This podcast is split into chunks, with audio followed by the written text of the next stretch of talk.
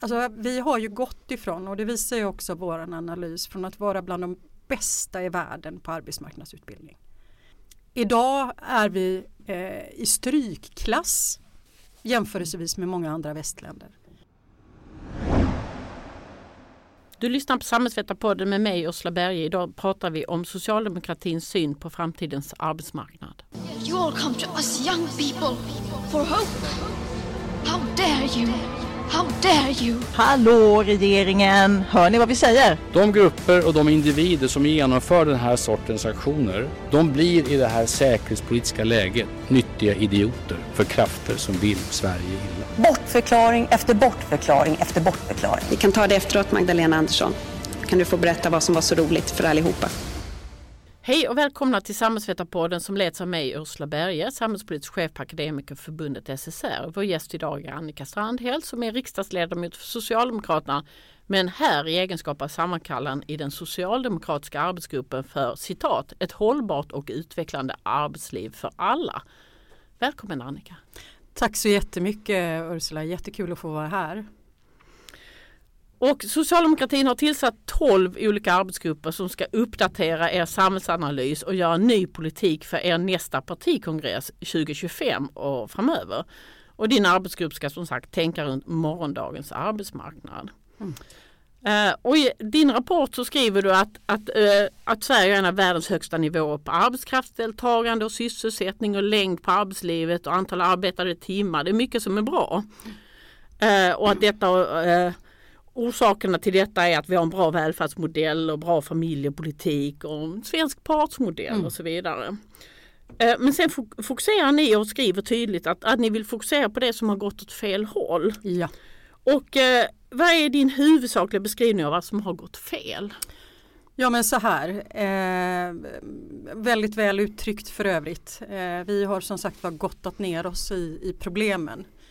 Eh, och det vi kan se det är ju att eh, vi har haft en utveckling egentligen sedan eh, mitten, början, mitten av 90-talet och framåt. Där vi ser en tudelning eh, mellan olika delar av arbetsmarknaden. En ganska, vi har delat in rapporten i tre delar och det är en analys i den här delen. Då. Eh, kraftigt ökande antal otrygga anställningar. Eh, ganska stora skillnader mellan olika grupper på arbetsmarknaden när det gäller hälsa till exempel. Arbetsrelaterad stress är en sån sak. Vi har en arbetslöshet som har bitit sig fast på runt 8 procent. Ehm, för att bara nämna några få saker. Eh, vi konstaterar också att eh, vi har höjt kraven ganska kraftigt när det gäller tillträde till våra trygghetssystem, till exempel sjukförsäkring och arbetslöshetsförsäkring. Eh, samtidigt som vi som ersättningarna har gått ner och färre har en möjlighet att ta del av till exempel arbetslöshetsförsäkringen. En, eh, en siffra som vi har med i vår rapport som jag själv studsade ganska mycket på. Jag jobbade ju med arbetsmarknadspolitik på 90-talet i kölvattnet utav utav eh, finanskrisen. Det är att en majoritet av de som är inskrivna på Arbetsförmedlingen idag inte har rätt till a-kassa. Inte är medlemmar i arbetslöshetsförsäkringen. Det är 51 procent av de som är inskrivna. Hade man tittat hur det såg ut på, på 90-talet så är det en helt det hade varit en helt otänkbar siffra. Det har skett omfördelningar i, i arbetsmarknadspolitiken eh, från satsningar på utbildning för att ställa om för nya jobb till att istället skattesubventionera lågavlönade arbeten eh, hos olika arbetsgivare. Mm. För att nämna några saker. Precis och eh, vi är ju ett av världens rikaste länder. Vi har en av västvärldens lägsta statsskulder och ändå har vi, har vi det så här. Mm. Är det någon internationell trend vi inte kan motverka? Är det ett politiskt prioriterat val eller vad är det? Nej men jag skulle absolut vilja säga att det handlar om olika typer utav politiska prioriteringar olika eh, delar av samhällsutvecklingen som har samverkat skulle jag vilja säga. Och om jag får, om jag får ta liksom lite grann det här steget tillbaks och, och titta på på utvecklingen sen, sen 90-talskrisen. Jag vet att Göran Persson som var statsminister då var en av de politiker som var med och sanerade statsfinanserna efter 90-talskrisen. Han brukade, brukar beskriva det som att alla fick vara med och betala. Alla fick vara med och sanera ekonomin och städa upp i den. Och det gjordes ju försäkringar, eh, gjordes ju förändringar i alla våra socialförsäkringssystem. Vi fick ett nytt pensionssystem. Väldigt många blev, blev arbetslösa och vi fick de här höga siffrorna. Eh, och vi kan väl konstatera att, att det, det gjordes också då en omläggning, började göras en omläggning också av, av arbetsmarknadspolitiken.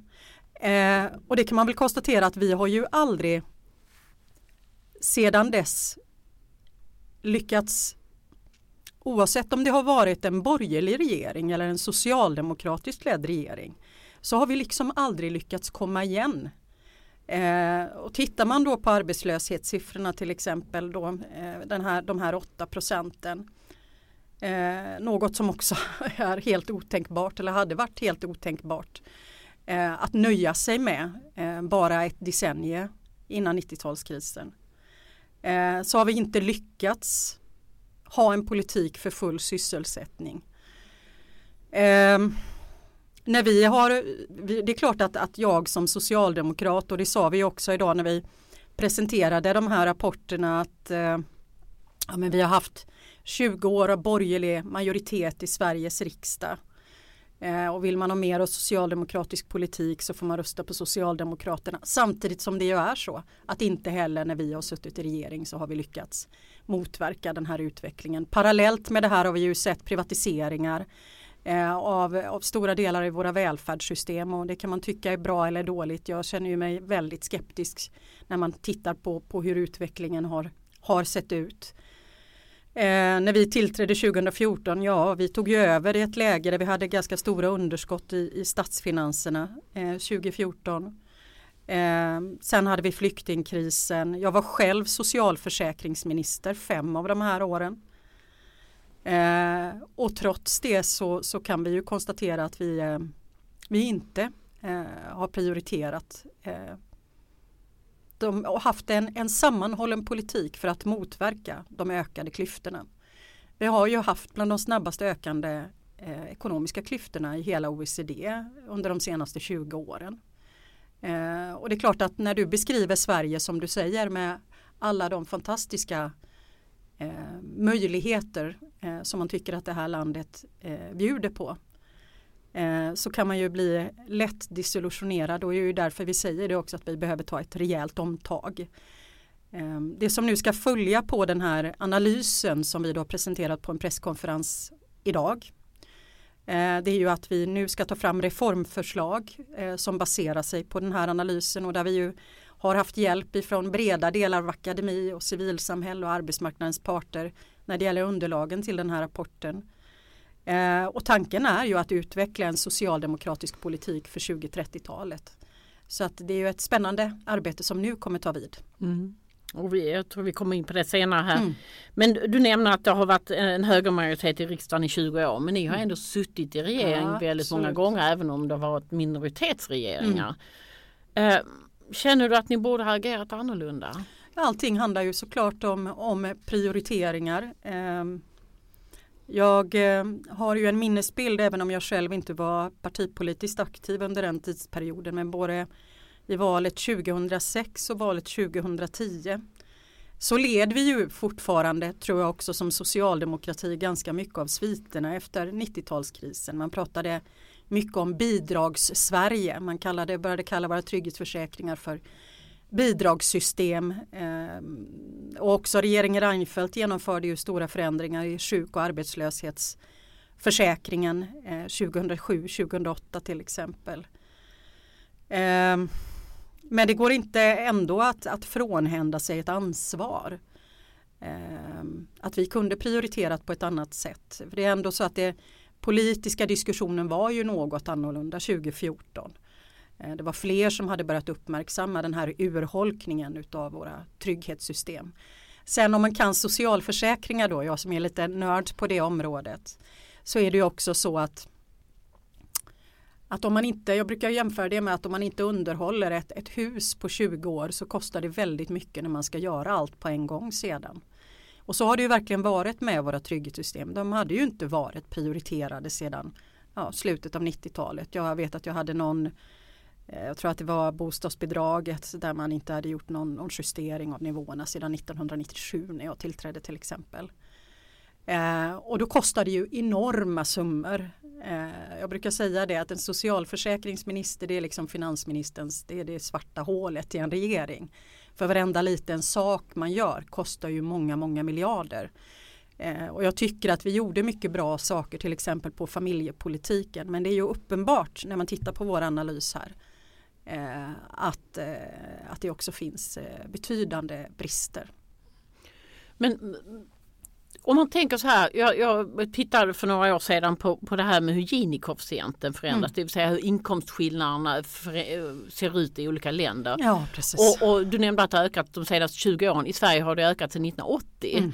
Och, och, och det ser likadant ut i alla länder, mm. västländer att inkomstskillnaderna ökar väldigt mycket och då talar vi om inkomster också i form av mm. eh, trygghetssystemen. Ja, ja, Så kan vi välja en annan väg? Eller är detta någonting ödesbundet att alla västländer ökar sina inkomstskillnader och detta är på något sätt Ja, men vi, vi är under ett internationellt tryck vi inte kan motverka. Nej, jag skulle absolut inte vilja säga att det är så att, att, eh, att politiken eh, och dess innehåll är ju någonting som vi utformar tillsammans eh, i det här landet. Eh, och det är eh, ju folkviljan som, som styr det.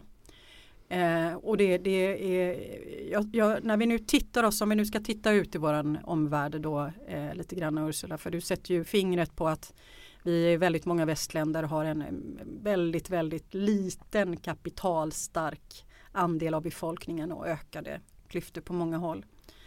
Eh, och tittar man också till hur den politiska utvecklingen har sett ut i västvärlden eh, de senaste tio åren, kanske närmare 15, hur demokratin har tryckts tillbaks eh, och hur allt mer utav eh, politisk, politiskt populistiska partier växer eh, och finner mark. Någonstans, eh, och det här kan man ju resonera om naturligtvis, eh, så, så måste man nog ändå resonera kring att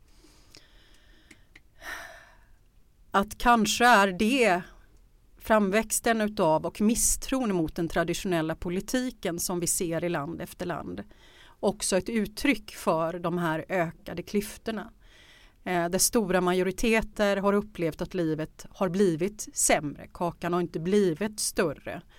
Eh, och det misstrycket kanaliseras genom att man, man tappar förtroendet för den traditionella politiken och väljer något annat kanske.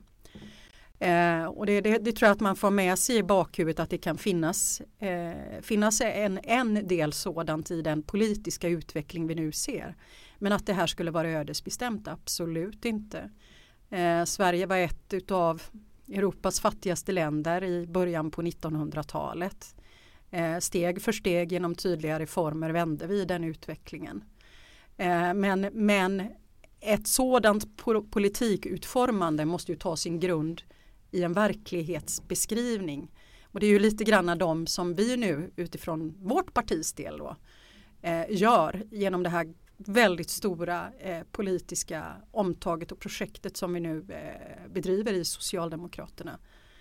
Eh, där vi vill öka samhällsgemenskapen. Eh, och det som jag väldigt tydligt tillsammans med, med min analysgrupp visar i den här rapporten eh, det är ju att den här utvecklingen också har lett till, till en mindre samhällsgemenskap. Vi har väldigt många unga kvinnor och utrikesfödda som lever i ett permanent utanförskap idag, mer eller mindre. Eh, och vad det gör med ett land, det, det, är ju en, eh, det är ju en rimlig fråga att ställa sig. Mm.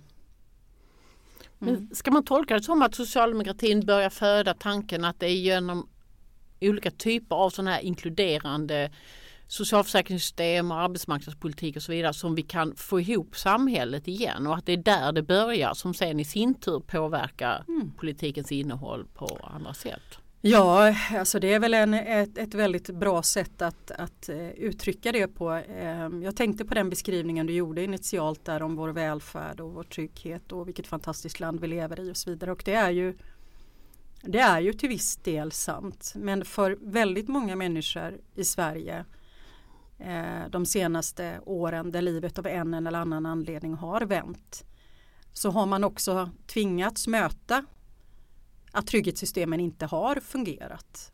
Eh, att man har ställts utanför. Att en, en långvarig sjukdom har kunnat vara lika med att falla igenom ett allt tunnare skyddsnät. Att arbetslöshet idag för många innebär eh, också fattigdom. Eh, jag tror kanske att man, man gärna inte vill tänka på att Sverige har blivit ett sådant land men det går, det går inte att blunda för.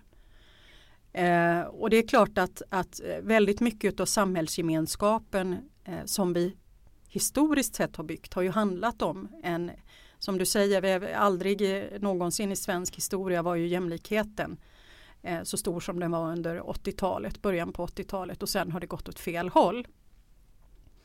Eh, det börjar ju i, i, i människors känsla utav eh, utav trygghet, att veta att om livet viker att man har en möjlighet, att man har flera livschanser, förstår du vad jag menar? Eh, och sen kan man alla säga att en bra pension eller skola är viktigt eller så här. men det, alltså tryggheten när på olika sätt eh, livet drabbar, vilket det ju gör nästan oss alla någon gång, eh, så ska det finnas en möjlighet att komma tillbaks. Mm. Och att det ansvaret ska inte ligga på, på, bara individen, tror ju inte vi då, utan att det också finns ett, ett, ett samhälleligt ansvar och att man som samhälle, att man som samhälle blir betydligt starkare om man också jämnar ut de riskerna. Dessutom stärker man, jag tänker du som är så otroligt intresserad och, och kunnig kring, kring arbetsmarknadspolitiken och eh, både arbetsmarknadspolitiken och a-kassan som system och som möjliggörare för en kraftfull omställning på arbetsmarknaden. Att människor ska våga ge sig hän och pröva nya jobb, att kunna lämna en anställning. Att det inte är farligt om ett företag som inte bär sig går i konkurs. För människor hittar nya jobb och med arbetsmarknadspolitik och arbetsmarknadsutbildning så rustar vi människor. Mm. Så gjorde vi, så mm. gör vi inte idag. Eh. Innan vi går in på arbetsmarknadspolitik och jobbet så tänkte jag, alltså det här du säger, det är så Alltså, det är så, du förklarar det på så bra sätt och förklarar det så väl men, men mot det står den här enkla förklaringen mm. som är så här arbete ska löna sig. Mm. Som, som på något sätt eh, legitimerar alla typer av försämringar av trygghetssystem. Mm. Varför är ditt budskap så svårt att säga och, och, och det där fastnar så lätt i debatten mm. som dessutom är så fel. Ja men det är ju så otroligt, eh, otroligt eh, fel. Eh, det, det, det, det, ska jag säga att det finns ju en frustration i relation till, till diskussionen internt i mitt eget parti. Där också det här används som något, något mantra. Eh, och som har också internt hos oss funnits med i diskussionen om att höja kraven eh, i, i våra socialförsäkringar. Eh, jag har ju en, en, en bakgrund, nu är jag ju här på, på Akademikerförbundet SSR, men jag har ju också en, en bakgrund där jag har arbetat inom socialtjänsten eh, på, på 90-talet. Då i samband med eh, mycket med arbetsmarknadsfrågor men ändå, ändå på socialtjänsten. Jag har dessutom då varit socialminister eh, och haft förmånen att få sätta mig in i hur mina föregångare på socialministerposten resonerade. Eh, och, och, ta det här med, med med, med försörjningsstödet eller socialbidraget som det hette, hette tidigare. Och, och hela socialtjänstlagen eh, och trygghetssystemen. Alltså själva tanken var ju att människor som ba, bara, förstå mig rätt, var arbetslösa eller sjuka eller så här. Att, att de skulle befinna sig och kunna känna trygghet i att man hade en tillhörighet i våra socialförsäkringssystem. Försörjningsstödet eller socialbidraget och eh, socialtjänstets insatser var ju just för att rikta in sig på människor som hade behov utav den typen av stöd och därmed inte stod till arbetsmarknadens förfogande. Jag var ju själv med under 90-talet och jag, jag, jag jobbade på en av de enheterna som kom till i kölvattnet utav utav finanskrisen på 90-talet på arbetsmarknadsenheten på socialtjänsten i Angered. Där man helt plötsligt då tog över i samarbete med Arbetsförmedlingen allt mer utav ansvaret för arbetsmarknadspolitiken.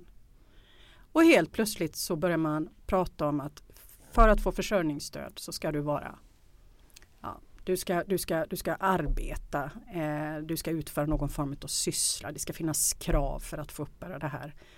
Eh, och som jag nämnde den här siffran som jag hade med här i att 51 procent, en majoritet av de som är inskrivna på, på Arbetsförmedlingen idag inte har rätt till a-kassa.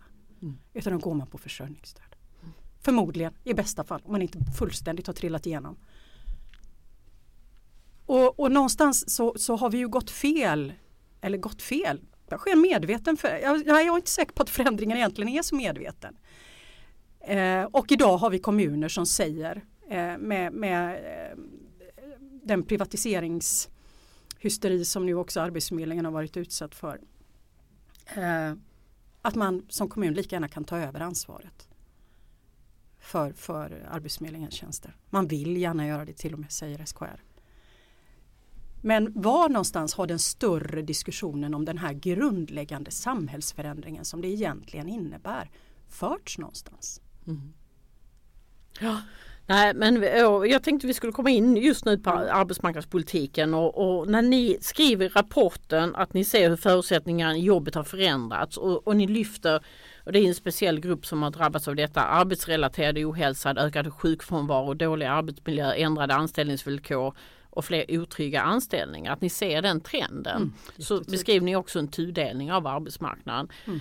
Varför har det blivit så här? Ja det är väl av flera av de, de eh, skälen som, som jag beskriver. Alltså det handlar väl också om, om hur samhällsutvecklingen sett ut men också mer eller mindre medvetna politiska beslut som har eh, lett fram till den här utvecklingen och naturligtvis också en förändring på arbetsmarknaden. Eh, där vi ju, idag har vi ungefär en, en, strax över en miljon arbetstagare i Sverige som arbetar på någon form av eh, tidsbegränsad anställning eller osäker anställning. Allt ifrån plattformsekonomins gigjobb till ja, du, du har allt möjligt där. På det. Klar överrepresentation av eh, haft en, en kraftig unga kvinnor och utrikesfödda stressen eh, de i den här gruppen. Åren. Men en, en stadig ökning. 800 svenskar per år eh, som dör. Det är också en utveckling som vi ser i andra länder så vi lever ju inte i en isolerad bubbla. Frågan är bara om vi politiskt på något sätt har vinnlagt om oss om att dämpa den utvecklingen. Nej, jag kan inte se det, snarare tvärtom. Vi har en, en, en, en, en, en, en, en tydlig, eh, tydlig väg emot eh, precisionsbemanning eh, i många verksamheter. Alltså, ja, för att, där det handlar om att man bara precis ska betala för exakt det arbete som utförs vid, en, vid ett givet tillfälle. Eh, där har du ju till exempel de här vansinniga minutschemana eh, i hemtjänsten. Eh, som, som ett exempel på det. Vi har idag eh, haft en, en kraftig ökning av den arbetsrelaterade stressen under de sista fyra åren. Idag har vi ungefär 800 svenskar per år som dör av arbetsrelaterad stress i Sverige. Så det är klart att, att läget är allvarligt. Eh, och återigen skulle jag vilja säga, eh, som ändå nu har varit aktiv i politiken i, på nationell nivå i snart tio år. Jag kan inte påminna mig om att den sammantagna övergripande diskussionen om den här utvecklingen och vad den betyder och om det är någonting som man politiskt egentligen vill ha har förts någonstans. Mm. Och det, det, kan ju eh, verkligen eh, oroa mig och hur de här olika delarna förstärker varandra. Eh, tittar man på på olika grupper på arbetsmarknaden apropå på tudelningen här. Så ta att om du tittar på, på män i tjänstemannayrken, nu får du rätta mig om jag har fel här, men det är i alla fall den siffran vi har. Så jobbar ungefär eh, 90% helt tills vidare. Tittar du på kvinnor som arbetar inom äldreomsorgen så är motsvarande siffra 40 procent. Och då har vi, trots att vi har den här utvecklingen, Eh, genomsnittsåldern eh, för en kommunalare när man får första tillsvidareanställningen är 37,5 år. Jag sa 34 eh, flera gånger i början på det här arbetet tills någon bara rättade mig och sa Annika det var länge sedan det var 34, nu är det 37,5. Och den utvecklingen har gått väldigt fort. Vi har ja, det, det, här är ju exempel på, på, på den här tudelningen. Och vi, vi kan se att i tekniken och teknikens möjligheter har i en del yrkesgrupper lett till ökad flexibilitet och större frihet med allt vad det för med sig. Också ökad stress kan det göra och så vidare men en viss frihet. Men alltså, motsvarande tekniska utveckling i en del andra yrken används, används snarare för mer krav och kontroll. Och det vet man ju om man kan något om arbetsmiljö vad det för med sig. Eh, och när det gäller inflytande över sin arbetsmiljö och sin arbetsplats. Det är en mm. allvarlig utveckling. Det är en allvarlig utveckling. Mm. Och eh, en sak är arbetsmarknadspolitiken och vad man gör med den. Och, och, och en annan sak är ju att vi, vi lever i det land i, i världen som har den starkaste fackföreningsrörelsen. Och, och du kommer själv från fackföreningsrörelsen och har varit ordförande för Vision och så vidare. Varför har inte fackföreningsrörelsen klarat av att, att motverka detta? Att hålla emot. Ja, jag tror att, jag tror att det också är en Alltså det, det, det som vi ändå står här och pratar om nu Ursula det är ju liksom komplexa samband och saker och ting som har skett parallellt eh, med varandra och jag tycker ändå att fackföreningsrörelsen i mångt och mycket om man tittar ut den svenska fackföreningsrörelsen om man tittar ut över eh, jämförbara länder i, i omvärlden ändå har lyckats i Sverige stå ganska stark, inte minst tjänstemannarörelsen där vi har lyckats upprätthålla organisationsgraden. Eh, man har alltjämt, vilket ju är en förutsättning också för en, eh, ett någorlunda jämlikt styrkeförhållande med arbetsgivarna. Vi har hög kollektivavtalstäckning fortfarande. Eh, men däremot om jag får, bara får utveckla mig en sekund där, för det här är verkligen någonting som också oroar mig, så ser vi ju en annan utveckling i delar av LO-förbunden. Eh, och där vi också verkligen försöker analysera vad, vad det beror på. Eh, om LO-förbunden fortsätter tappa medlemmar i den takt de gör nu eh, och tappa områden där, där man eh, tappar kollektivavtalstäckning, eh, organisationsgrad så kommer LO som organisation vara under 50 procent i organisationsgrad 2030. Det är ju en, apropå det du sa till mig precis här nu, eh, när det gäller styrkeförhållandena på arbetsmarknaden eh, så skulle det vara något oerhört. Vi kan ju se ett tydligt samband med de förbund där man har eh, dels som har i viss mån genomgångsyrken men också där man har en hög andel av de här otrygga anställningarna. Det finns en korrelation mellan otrygga anställningar och eh, Eh, och den, att man, man ställer sig utanför facket helt enkelt. Eh, och där behöver man väl kanske med den snabba förändring som har skett på arbetsmarknaden utveckla nya metoder. Eh, men, men kanske har Sverige varit som bäst när, när politik och fackföreningsrörelse gemensamt har sett nyttan av den svenska partsmodellen. Eh, och eh, också sett till på olika sätt eh, att den har eh, möjligheter att kunna blomstra på det sätt som, som har tjänat det här landet så oerhört väl. När det handlar om, om eh, arbetsfred, när det handlar om omställningsförmåga i våra företag. Eh, när det handlat om en, en, en, en, hög trivsel och människor som har kunnat arbeta länge på sina arbetsplatser eh, med god hälsa. Eh, vi har en hög sysselsättning, människor arbetar eh, högt upp i åldrarna. Det har tjänat oss väl. Mm. Apropå att vi nu har en stor arbetsmarknadskonflikt i Sverige eh, igen. Eh, men där behöver ju också finnas eh, någon form av eh, jag kan sakna det i mitt eget parti ibland. Att man fattar inte riktigt. Och då pratar vi om Socialdemokraterna. Mm.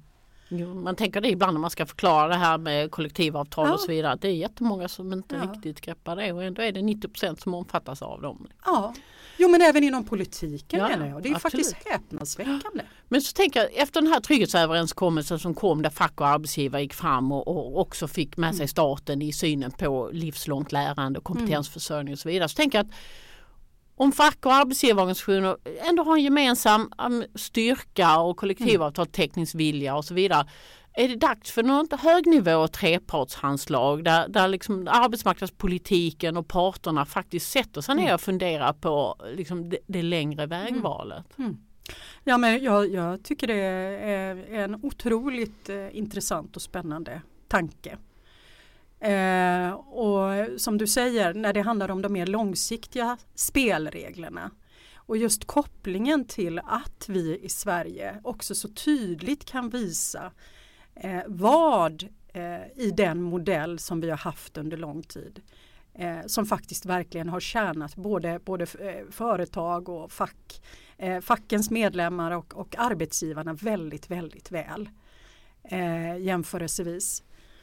Men också eh, att, att ta, ta, i hand på, eh, precis som du är inne på, vägen framåt och vad som krävs för att vi ska ta oss dit. Ta till exempel då eh, apropå på det här med arbetsmarknadsutbildning. Eh, jag funderar på hur medveten den förändringen som har skett egentligen är. Mm. Jag är inte alls säker på att, utan att, att man, man har i stunden för att man har en politisk utmaning just då och så kommer man på något, jag, nu har jag varit i polit, politiken så länge så jag har blivit lite cynisk och jag kan också tillåta mig tänker jag att faktiskt eh, och så kommer man på något görsmart som är lätt att kommunicera eh, och som låter jättebra för nu ska man, eh, nu ska man ha in si och så många nyanlända på arbetsmarknaden till exempel. Alltså, vi har ju gått ifrån, och det visar ju också vår analys, från att vara bland de bästa i världen på arbetsmarknadsutbildning. Att kunna rusta eh, människor som är i omställning mellan jobb, att kunna ta de nya jobben som växer fram. Eh, idag är vi eh, i strykklass jämförelsevis med många andra västländer som storsatsar på arbetsmarknadsutbildning. Mm. Medan vi, och då, då, får man tänka att när vi gjorde det fram till någon gång på, i mitten på 90-talet då hade vi en arbetslöshet som var 2 procent. Idag har vi så mycket högre arbetslöshet och istället så, så satsar vi resurser på att subventionera eh, nystartsjobb. Jag, jag, brukar ta det där, ett, ett exempel som jag faktiskt tog på presskonferensen idag också. Eh, när vi nu pratar om vikten av integration och att bryta segregation och att vi, vi har en hög arbetslöshet samtidigt som vi har brist i många yrken. Eh, istället för att då rusta en person med en tre månader lång utbildning, det är vad det tar, till solcellsmontör som hela arbetsmarknaden skriker efter och där man kan gå ut och få en tillsvidareanställning eh, på ett förhoppningsvis företag med kollektivavtal och vettiga villkor så betalar vi istället för ett nystartsjobb och subventionerar för att den här personen ska stå och tvätta bilar i ett garage på hissingen. Mm. Alltså det, det, är ju, man måste verkligen ställa sig frågan. Mm. Det behöver inte vara så här. Och det Nej. behöver inte heller vara blockskiljande att tycka att det inte ska vara så här. Mm. Det handlar om att vara smart, varsam med våra skattemedel.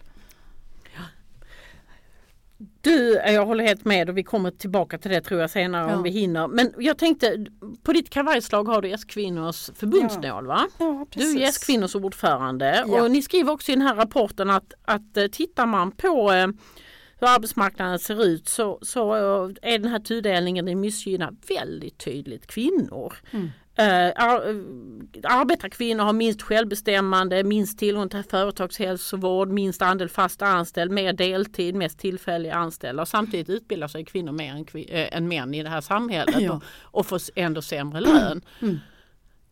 Hur, får vi ihop, hur får vi ihop det här? Ja, det, alltså det går ju inte ihop.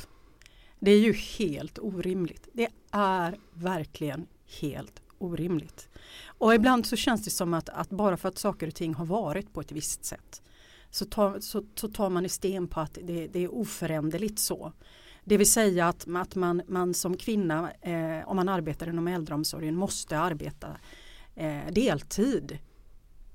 Eh, eller de här minutschemana som vi pratade om här tidigare. Eh, och där, även här finns ju en tydlig tudelning. Samtidigt så ser vi ju hur eh, allt fler kvinnor som eh, dominerar på, på liksom de akademiska spetsutbildningarna. Kvinnor håller på att ta över hela åklagarkåren i, i Sverige. I stort sett alla akademikeryrken är kvinnoyrken Ja, idag, förutom ja. civilingenjör. Ja, helt fascinerande. Och kommer det, och, eh, ja, det ska bli spännande att se vad, hur det kommer påverka samhällsdebatten framåt. Eh, och också statusen på de här yrkena naturligtvis. Det har vi ju sett förr att, att det också kan, kan ha en påverkan. Eh, men samtidigt så har vi då eh, en alldeles alldeles eh, för stor andel eh, som bara får det mer otryggt. Eh, nu, nu pratade jag äldreomsorg här för att jag är ju så bekväm i de frågorna som tidigare förbundsordförande för, för Vision. Men vi har ju också som, som en deltagare i min arbetsgrupp här, vi är tre stycken, så har jag ju också Handels förbundsordförande Linda Palmetshofer. Eh, som ju också är ett annat område där man har extremt mycket, mycket deltid och eh, tim, olika typer av eh, väldigt korta anställningskontrakt och stor osäkerhet. Eh, hotell och restaurang är ju ett annat eh, sådant område. Och faktum är att när, när vi tittar på det här med, med utvecklingen av precisionsbemanningen, du säger kvinnor här, jag skulle också säga unga. Mm. Eh, apropå deras framtidstro och möjlighet att etablera sig i, i arbetslivet. Jag stod på presskonferensen idag och hade faktiskt tagit med mig en röd basker eh, dit. Eh, och så tog jag upp den och så påminde jag bara om att i början på 1900-talet så stod man med sin mussa eh, och väntade på att få se om man skulle kunna få hugg och jobba några timmar den dagen. Eh, dagens basker det är mobiltelefonen för väldigt många kvinnor och unga. Där man ligger på natten eh, och väntar på att se om man får ett sms som man ska gå in och gå upp och jobba dagen efter under den dagen. Alltså vi håller på att införa ett, ett daglönarsystem och, och Som vi trodde tog slut med Per-Anders Fagerströms I mina drömmars stad. Eller hur? Liksom. Eh, och och eh, vi, vi måste på något sätt se att utvecklingen ser ut så här. Den här tudelningen finns. Och som, som jag också inleder den här analysen med att det är klart det är väldigt, vi har mycket som fungerar väl på svensk arbetsmarknad. Men den här utvecklingen och som har eskalerat så snabbt och går så kraftfullt åt fel håll. Vi behöver, vi, vi, vi kan vända det här och vi bör vända det här och det borde finnas en ganska bred politisk konsensus om att det här eh, behöver vändas. Mm. Uff, det är så mycket vi måste prata Ja. om här och det känns som att eh, tiden Tiden bara bara rinner iväg. Eh, Ni har ett kapitel som handlar om sjukförsäkringar och, sjuk, eh, och, och så vidare. Och det, det, vi har ju sett urholkningar av sjukförsäkringssystemet Mm. också. Um, vad det gäller ja, eftersläpande inkomsttak och allt färre omfattas och så vidare. Och det är kanske samma, jag skulle kunna ställa samma fråga där också. Varför har det blivit så här? Mm. Alltså, är det också liksom någon form av 90-talssanering som släpar efter där vi inte orkade ta ett omtag? Nej, jag skulle vilja sä- säga så här. Ja, alltså någonstans så ser man ju ändå att även där eh, började ju den här utvecklingen. Vi fick karensdagen och ja, ni känner, ni känner ju väl till det här på eh, på SSR. Men däremot så skulle jag säga att det är väldigt medvetna politiska beslut. Eh, som, som eh, ändå har eh, lett fram till att den här urholkningen har kunnat fortsätta. Och där måste jag ju också vara väldigt eh, självkritisk också mot vår regering under de åren som, som vi satt eh, nu. Eh, ja men det är klart att man kan vara jättearg på, på alliansregeringen och det var det ju många som var när man införde den här stupstocken i sjukförsäkringen och gjorde om den svenska sjukförsäkringen eh, 2007-2008. Eh, då var ju orsaken till det att vi efter 90-talskrisen hade en extremt hög andel som slogs ut ifrån arbetsmarknaden, inte minst kvinnor eh, som hade arbetat i välfärden som blev utbränning eh, blev ju då ett, eh, ett begrepp eh, och vi hade väldigt höga förtidspensioneringstal. Det kostar ju oerhörda summor, alltså sjukförsäkringen när den drar iväg kostar ju oerhörda summor för, för statsfinanserna. Eh, så är det. Eh, och man införde den här rehabkedjan och folk skulle eh, tillbaks och det ledde ju till att människor slogs ut och man blev fattig. Eh, samtidigt så är det ju så att den, den politik vi själva förde när vi kom in i regeringen eh, 2014. Eh, ja, vi kan, vi kan tycka att vi vi tog politiska initiativ som ändå skulle innebära att man skulle få ett snabbt stöd för att komma tillbaks till arbete och hälsa igen. Men verkligheten blev ju den att också vi såg hur de här utförsäkringarna fortsatte också under vår tid i regering. Eh, vi mäktade inte med att höja sjukersättningen till exempel. Vi har fortfarande idag de absolut tuffaste reglerna Eh, för, för, i vår sjukersättningsmodell i Sverige i hela OECD. Eh, och det är klart att där, där kan vi ju inte som, som regering under de åren frånsäga oss ett ansvar för det. Så jag ska, jag ska inte säga att det där är bara någonting som händer där ingen orkar ta ett omtag. Men på riktigt eh, så behöver vi föra en diskussion om hur vi vill, hur vi vill ha det framöver. Eh, och det kan inte vara så att, att en, en, en rädsla för någonting som hände som ett resultat av 90-talskrisen ska få styra svensk politik eh, och, och var, ligga till grund för utvecklingen av de svenska trygghetssystemen 20 år senare. Eh, a-kassan tycker jag för mig är ett sorgebarn. Vi hade ju ända fram till 2007 någonstans bland världens bästa a-kassor. Eh, som omfattar otroligt liksom, stora delar utav, utav arbetsmarknaden. Eh, vi hade hyfsat rimliga nivåer.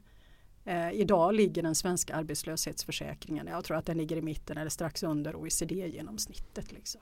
Det är mm. inte bra. Och a-kassan den är ju en liten konstig hybrid eftersom man eh, mm. till skillnad från sjukförsäkringen som man kan kvalificera in i med hjälp av SGI mm. så är, bygger arbets, äh, a-kassan på att du ska vara medlem i en a-kassa och mm. att du ska arbeta, ha arbetat en viss tid. Uh, och samtidigt alltså Uh, sjukpenningen och andra sådana ersättningssystem bygger på att det är kopplat till ett prisbasbelopp och, mm. indexreglerat och så vidare. Och a-kassan är inte det. Nej, nej.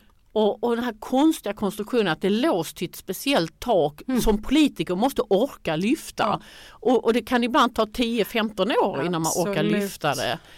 Uh, otroligt underlig fågel i, i ett socialförsäkrings eller trygghetssystem. Ja, framförallt med tanke på att vi ju historiskt sett vet att när a-kassan har fungerat väl så har den ju lett till eh, att vara en viktig del utav en hög omställningsförmåga på den svenska arbetsmarknaden. Det har man ju med de här förändringarna som har skett och den urholkning som har skett utav det här systemet i viss mån avlövat den. Det vet inte jag om det, det är särskilt bra. Eh, eller jo, det vet jag, jag tycker inte alls det är bra. om man ska vara helt rakt men samtidigt så är den ju kopplad till, det finns kollektivavtal och försäkringar ja. kopplat till det och, och är man medlem i ett fackförbund som har en inkomstförsäkring så plussar mm. den på och så vidare. Är, är det ett problem eller ja, är det ett lapptäcke som täcker upp på ett system som inte måttar hela vägen? Bra att du sa lapptäcke. För det är, väl, det är väl verkligen precis vad det är. Det var ju både du och jag med när vi fick de här första inkomstförsäkringarna på plats.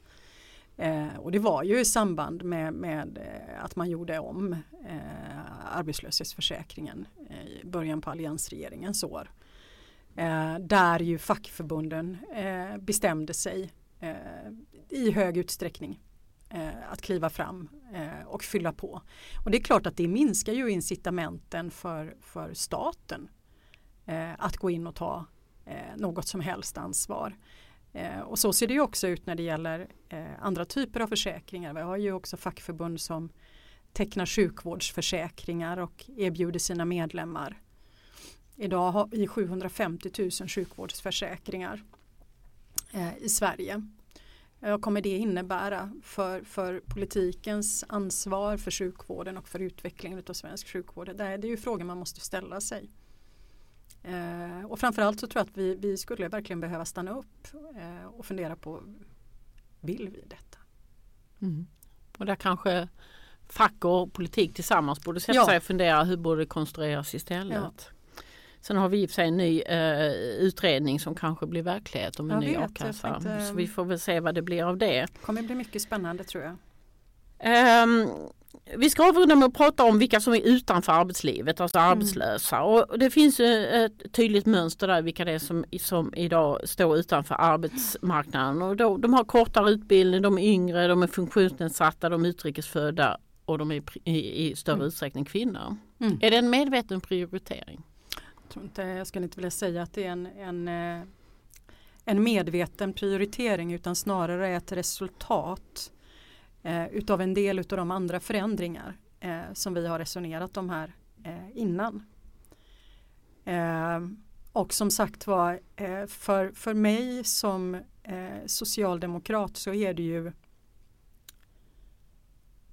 egentligen obegripligt eh, hur vi inte längre kan ha en politik för full sysselsättning. Och hur vi som parti har kunnat acceptera eh, den här typen av utveckling. Vi har en sysselsättningsgrad för funktionsnedsatta på 40 procent. Att jämföra med 80 procent av befolkningen i övrigt. Sämst på att erbjuda eh, funktionsnedsatta möjlighet eh, till arbete det är statliga sektorn. Mm. Alltså helt häpnadsväckande. Eh, vi har ju Samhall som ju alla är överens om eh, behöver, apropå genomgripande grundläggande omtag som behöver tas. Eh, så är väl det ett sådant. Eh, och skulle jag vilja säga en arbetsmarknadspolitik, eh, apropå det vi pratade om tidigare, eh, med vilka som har tillgång till eh, a-kassa eh, och är i, i, i ett innanförskap och vilka som är i ett utanförskap. Eh, att många av de här som ju står utanför idag kräver ju mer utav liksom samordnade och bättre insatser för att komma hela vägen in i arbete. Eh, och det är klart att det löser man inte om man då prioriterar resurserna på ett sådant sätt att man istället subventionerar lågavlönade jobb istället för att rusta människor för att kunna ta eh, jag tänkte det att Ja. arbetsmarknadspolitiken har alltid handlat om att man ska eh, kompensera för, eh, alltså att man ska hjälpa de som behöver eh, mest hjälp och de grupper jag precis nämnde. Då är ju arbetsmarknadspolitiken i sin nuvarande utformning dålig på att svara emot deras behov så Ja. att de kommer ut på arbetsmarknaden. Ja. Och då tänker jag, du nämnde arbetsmarknadsutbildningar som, Ja. som Alltså vi har 330 000 arbetslösa och det är Precis. 6 000 som är med i arbetsmarknadsutbildningar. Ja, vet. vilket ju verkar väldigt lågt dimensionerat utifrån behov. Ett annat sätt är att man har infört en ganska eller rejält lågintensiv eh, arbetsmarknadsåtgärder som heter matchningstjänster. En privatiserad sådan som innebär att du kanske får ett stöd i form av fyra timmars stöd per månad. Ja. Vilket man kan ju tänka sig att den här gruppen kanske, det kanske inte räcker för dem. Klart inte. Och varför har vi valt att eh, dimensionera ner arbetsmarknadsutbildningen på det sättet och satsa på en privatiserad match, matchningstjänst som i så dålig utsträckning svarar mot de här personernas behov? Ja men du sätter ju, ja det är verkligen, och vet du, jag är ganska säker på att det inte har varit så otroligt politiskt medvetet eller genomtänkt. Vilket ju är, är någonting som kan göra en eh, ganska för, förskräckt eh, egentligen. Eh, och någonting som, eh, nu vet jag inte om vi fick med det i slutrapporten här, eh, annars vet jag att en av de andra grupperna också har med, med det, det är ju att vi är väldigt, väldigt kritiska mot eh, den uppgörelse som vi gjorde om privatiseringen utav Arbetsförmedlingen och bland annat, som bland annat har lett fram till de här matchningstjänsterna som, som du nu nämner. Eh, för det är ju ändå så att en väl fungerande arbetsförmedling som tidigare fanns så hade man ju också Ja, man hade ju länsarbetsnämnderna och man, hade, man fanns ju hela vägen ut någonstans. Va? Eh, till, till det vi har idag eh, när arbetslösheten är så mycket högre och hur man prioriterar resurserna. Ja, det här är ju ett område vi kommer att lägga reformförslag på. Så är det. Det kommer vi att göra. Avslutningsvis, vem borde göra vad nu förutom att ni lägger reformförslag framöver? Vem borde samverka? Vem borde ta ledartröjan? Nej men jag, så här. Eh, jag, jag, tror att väldigt många svenskar idag upplever att vi har en samhällsutveckling som man inte är särskilt bekväm med. Eh, och det är klart att eh, någonstans eh, vi som företräder olika viktiga delar utav eh, samhällsapparaten, fackförbunden, politiken, Eh, apropå det som, som vi började med här, vad är det som har lett fram till att vi har fått den här framväxten av högerpopulism och eh, fascism skulle jag vilja säga i, i, delar av västvärlden. Att vi har den här utvecklingen som innebär att klyftorna har ökat på det sätt de gör. Eh, som ju naturligtvis har lett fram till att människor tappar tilltron till, till politikens möjlighet att, att kunna, du ställde den frågan till mig flera gånger, eh, att kunna åstadkomma förändring. Ja men det är upp till bevis nu, eh, skulle jag vilja säga. Det är upp till bevis. Eh, för oss som socialdemokrater så vill vi såklart också eh, vi kommer ju vilja ge eh, Sverigedemokraterna en ordentlig match. Eh, och ska vi ha en möjlighet att kunna göra det så måste vi också erbjuda ett politiskt alternativ som människor kan se hopp och framtidstro i och som de kan sätta tilltro till. Eh, och det hoppas jag att det här arbetet ska vara en del i det. Men sen också som du själv sa, det kanske borde vara så att, att eh, de olika parterna på, på arbetsmarknaden och eh, politiken tillsammans eh, på det här området borde fundera på vart vi ska någonstans och vad som krävs för att komma dit. Mm. Eller som Olof Palme sa, politik är att vilja. Ja, absolut. Vill du? Ja, vill massor i det här. det är fantastiskt, det är ett privilegie eh, att få arbeta med det här och jag hoppas att vi ska kunna landa riktigt, riktigt bra. Tack Annika. Ja, tack Ursula. Tack för att jag fick komma hit. Det var allt från Samhällsvetarpodden den här veckan. Prenumerera gärna på oss så missar du inga avsnitt. Samhällsvetarpodden görs av Akademikerförbundet SSR, Sveriges ledande samhällsvetarförbund.